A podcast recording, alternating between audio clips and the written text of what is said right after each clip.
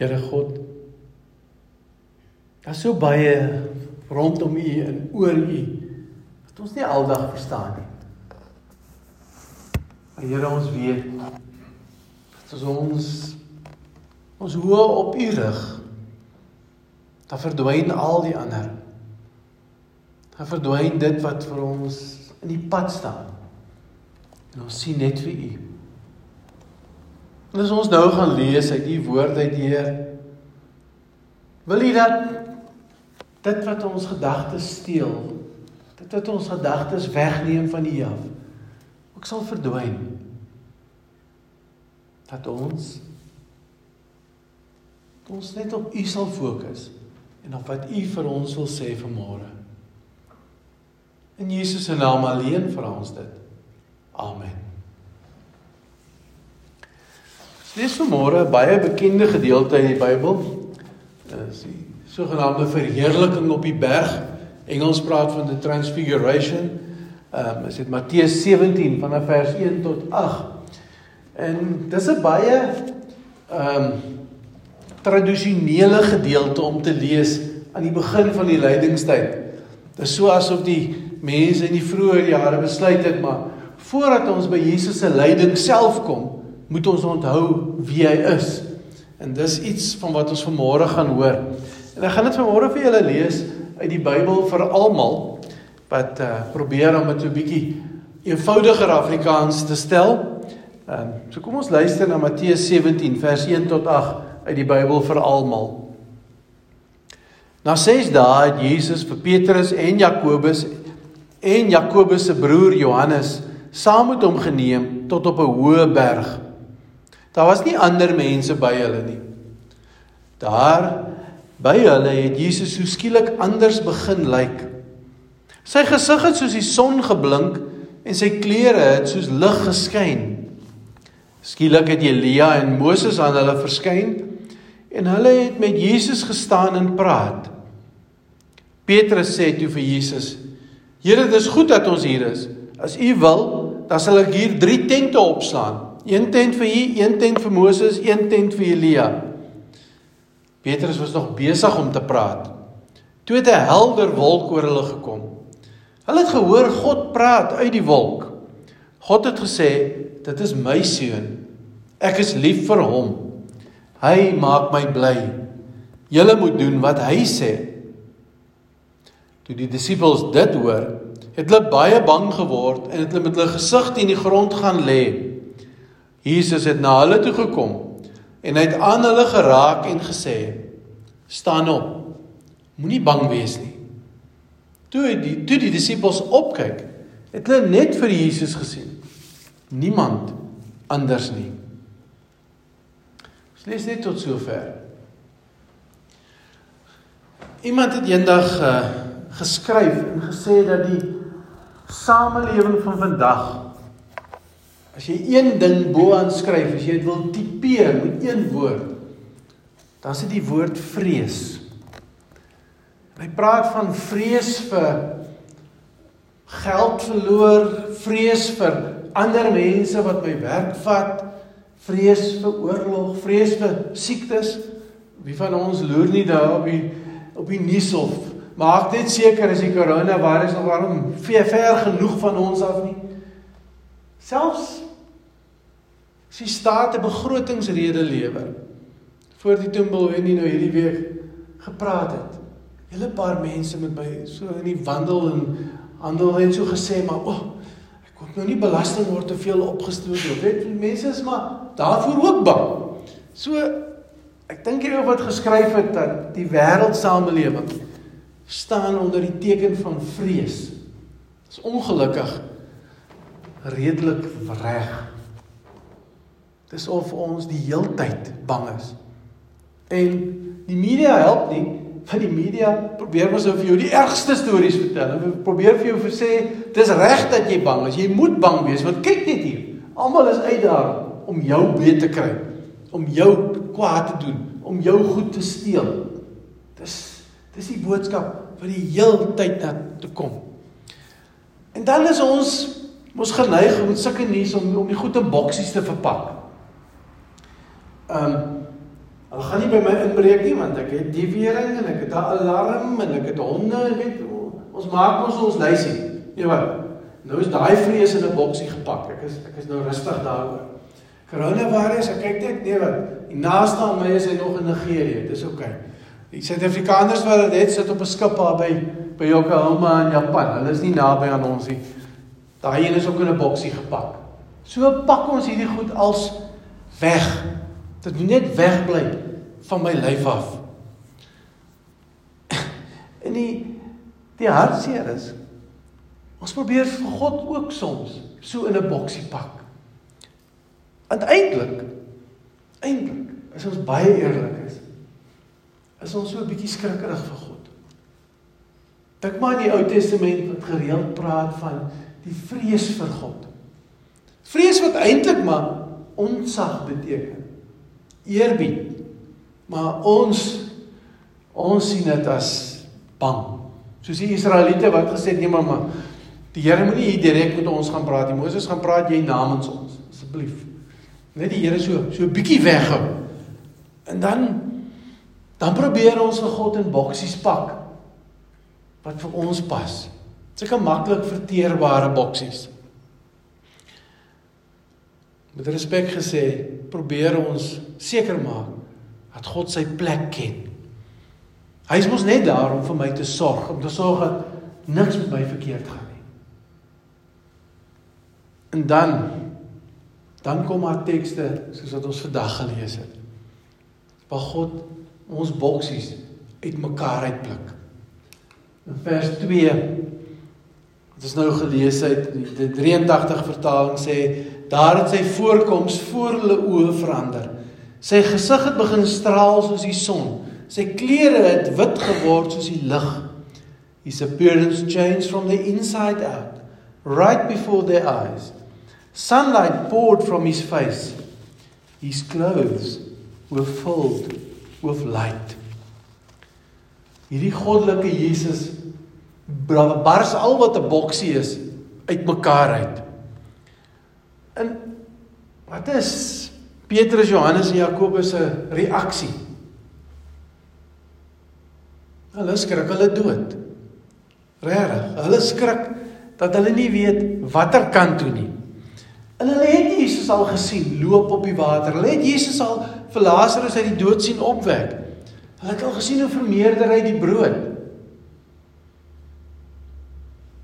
Maar as Jesus skielik nie liewe Jesus is of die Jesus aan wie hulle elke dag loop nie, dan skrik hulle. Dan bars hulle boksies oop. En uit die liewe Petrus. Wat doen hy? Hy is die tipiese Petrus. Uh hy sê onmiddellik moet hy iets doen. Weet hy kan mos nie net stil sit of stil bly nie. Hy moet altyd iets doen as daar iets gebeur.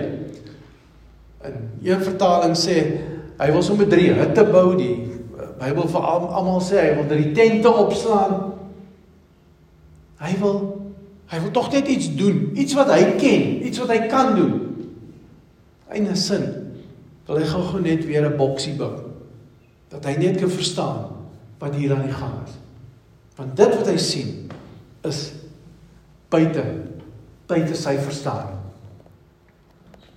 En dan dan onderbreek God hom. Petrus dink nog hy gaan nou nog mooi verduidelik hoe gaan sy hitte of tente lyk.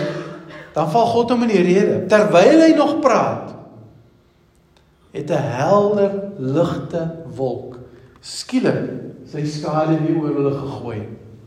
En 'n stem uit die wolk het gesê: "Dis my geliefde seun, oor wie ek my verheug. Luister na hom." While he was going on like this, babbling. Ek dink nog al die message stel dit baie mooi, want dis wat tipies Petrus is. Hy nie weet wat om te doen nie aan dan praat hy nonsens.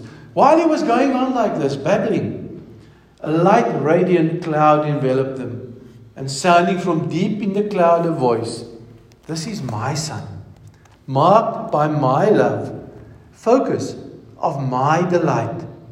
Listen to him." Hoe verduidelik 'n mens so 'n moment?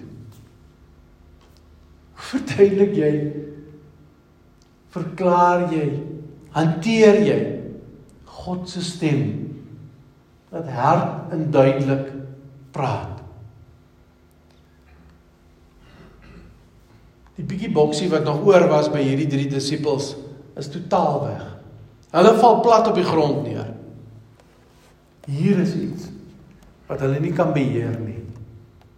Hier is iets totaal totaal buite hulle verstaan. God selfs groter as die tente of die hutte wat Petrus wou gebou het. Als al hulle planne is weg. En hulle reaksie plat op die grond. Dis al hoe hulle kan reageer.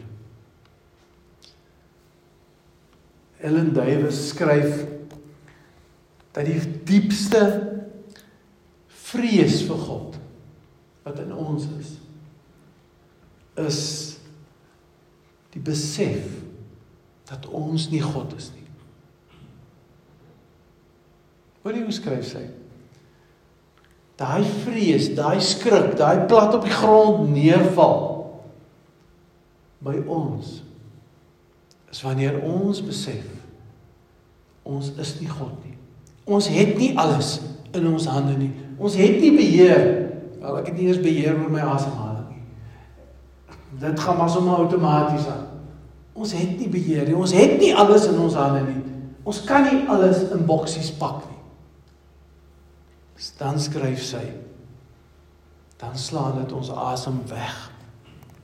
Dan laat dit ons sprakeloos. 'n laas.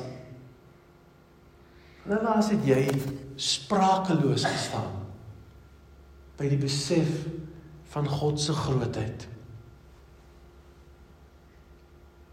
Want gewoonlik is daar allerlei ander alledaagse vrese en alledaagse planne en goed wat ons aandag weglei van God af.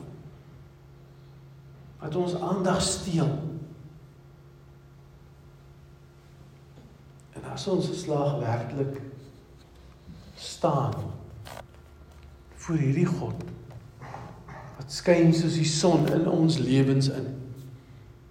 Wat dit wat vir ons lyk onhanteerbaar is. Sommer laat verdwyn soos 'n skaduwee.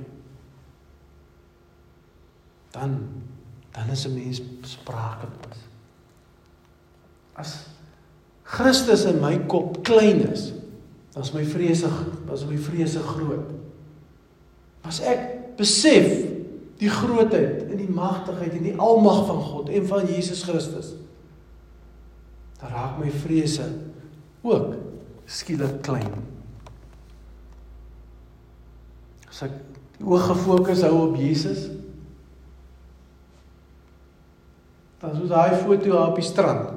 Weet die ander goed raak sommer net seker skade wees. Dis nie regtig in fokus nie. En as ek vergeet van God, as ek my eie ding probeer doen, dink maar aan Petrus toe hy op die water geloop het. Terwyl hy vir Jesus gekyk het, stap hy rustig op die water. En toe hy wegkyk, en hy kyk hierdie groot golwe, hy raak bang. Toe sink hy. Toe moes Jesus hom by die hand gryp en lig uitlig. Groter my vrese, hoe kleiner is die prentjie van God in my kop. Groter. Ek verstaan wie God is, wat God doen, hoe lief hy vir my het, hoe hy vir my omgee, wat hy alles gedoen het. In lydingstyd is maar een van die goed wat ons herinner van iets wat hy vir ons gedoen het. Hoe kleiner raak my vrese. Dalk moet ons prentjie van Jesus in hierdie lydingstyd 'n bietjie meer die een insluit wat skyn soos die son. Die een wat aan die regterhand van God sit. Die een van wie die engele sing heilig, heilig, heilig. Dis nie net die liewe Jesus van die kinderbybel wat ons aanbid nie. Maar is die een wat die dood oorwin het Satan is oorwin toe hy daar uit die dood opgestaan, opgewek is. Daardie magtige God kom sê hier die begin van lydingstyd vir my en vir jou. Ek ken jou by die naam. Ek het die hare op jou kop getel. Ek is lief vir jou. Ek wil jou by my hê. Ek wil jou toefou. En as daai besef ons sprakeloos maak, as daai besef ons op die grond laat neerval, soos Petrus en Jakobus en Johannes, dan kom Jesus. Hy raak ons aan en hy sê staan op. Moenie bang wees nie. Moenie toelaat dat die vrese en die chaos van hierdie wêreld. En daar's genoeg. Daar's oor genoeg. Ek hoef nie vir julle dit op te lys nie. Maar moenie toelaat dat dit jou vreugde steel, jou aandag steel weg van God af nie. Want dan sink ons, soos Petrus. Dan raak God al kleiner. Hy kom vanmôre raak ons aan en sê: "Staan op en moenie bang wees nie." Amen. Ek gaan nou nie die tradisionele kanselgebed nou doen nie. Ek wil hê julle moet net rustig self in stilte 'n paar oomblikke met die Here praat. Sê vir hom wat is op jou hart? Wat se vrese is op jou hart vandag?